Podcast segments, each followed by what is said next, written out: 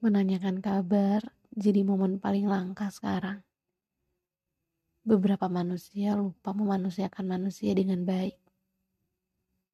Apa kabar? Gimana tadi kegiatannya lancar?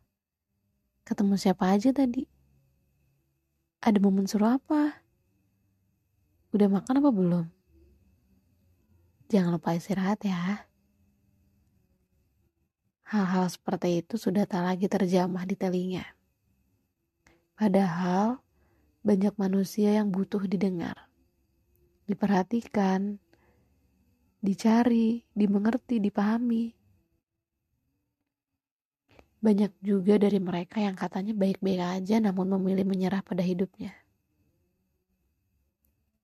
Manusia sekarang itu aneh bin ajaib sering banget pukul-pukulan dengan egonya sendiri. Menahan gengsi untuk bertanya padahal ingin berkomunikasi. Sudah sefollowan, satu kontak WA pula. Bukan jaminan komunikasi itu ada. Kadang ujung-ujungnya berakhir sebagai pengamat cerita saja. Sambil melamun yang tidak-tidak atau mengulang ingatan tentang kita yang seasik itu ternyata sebelum akhirnya menjadi yang tak mau diusik.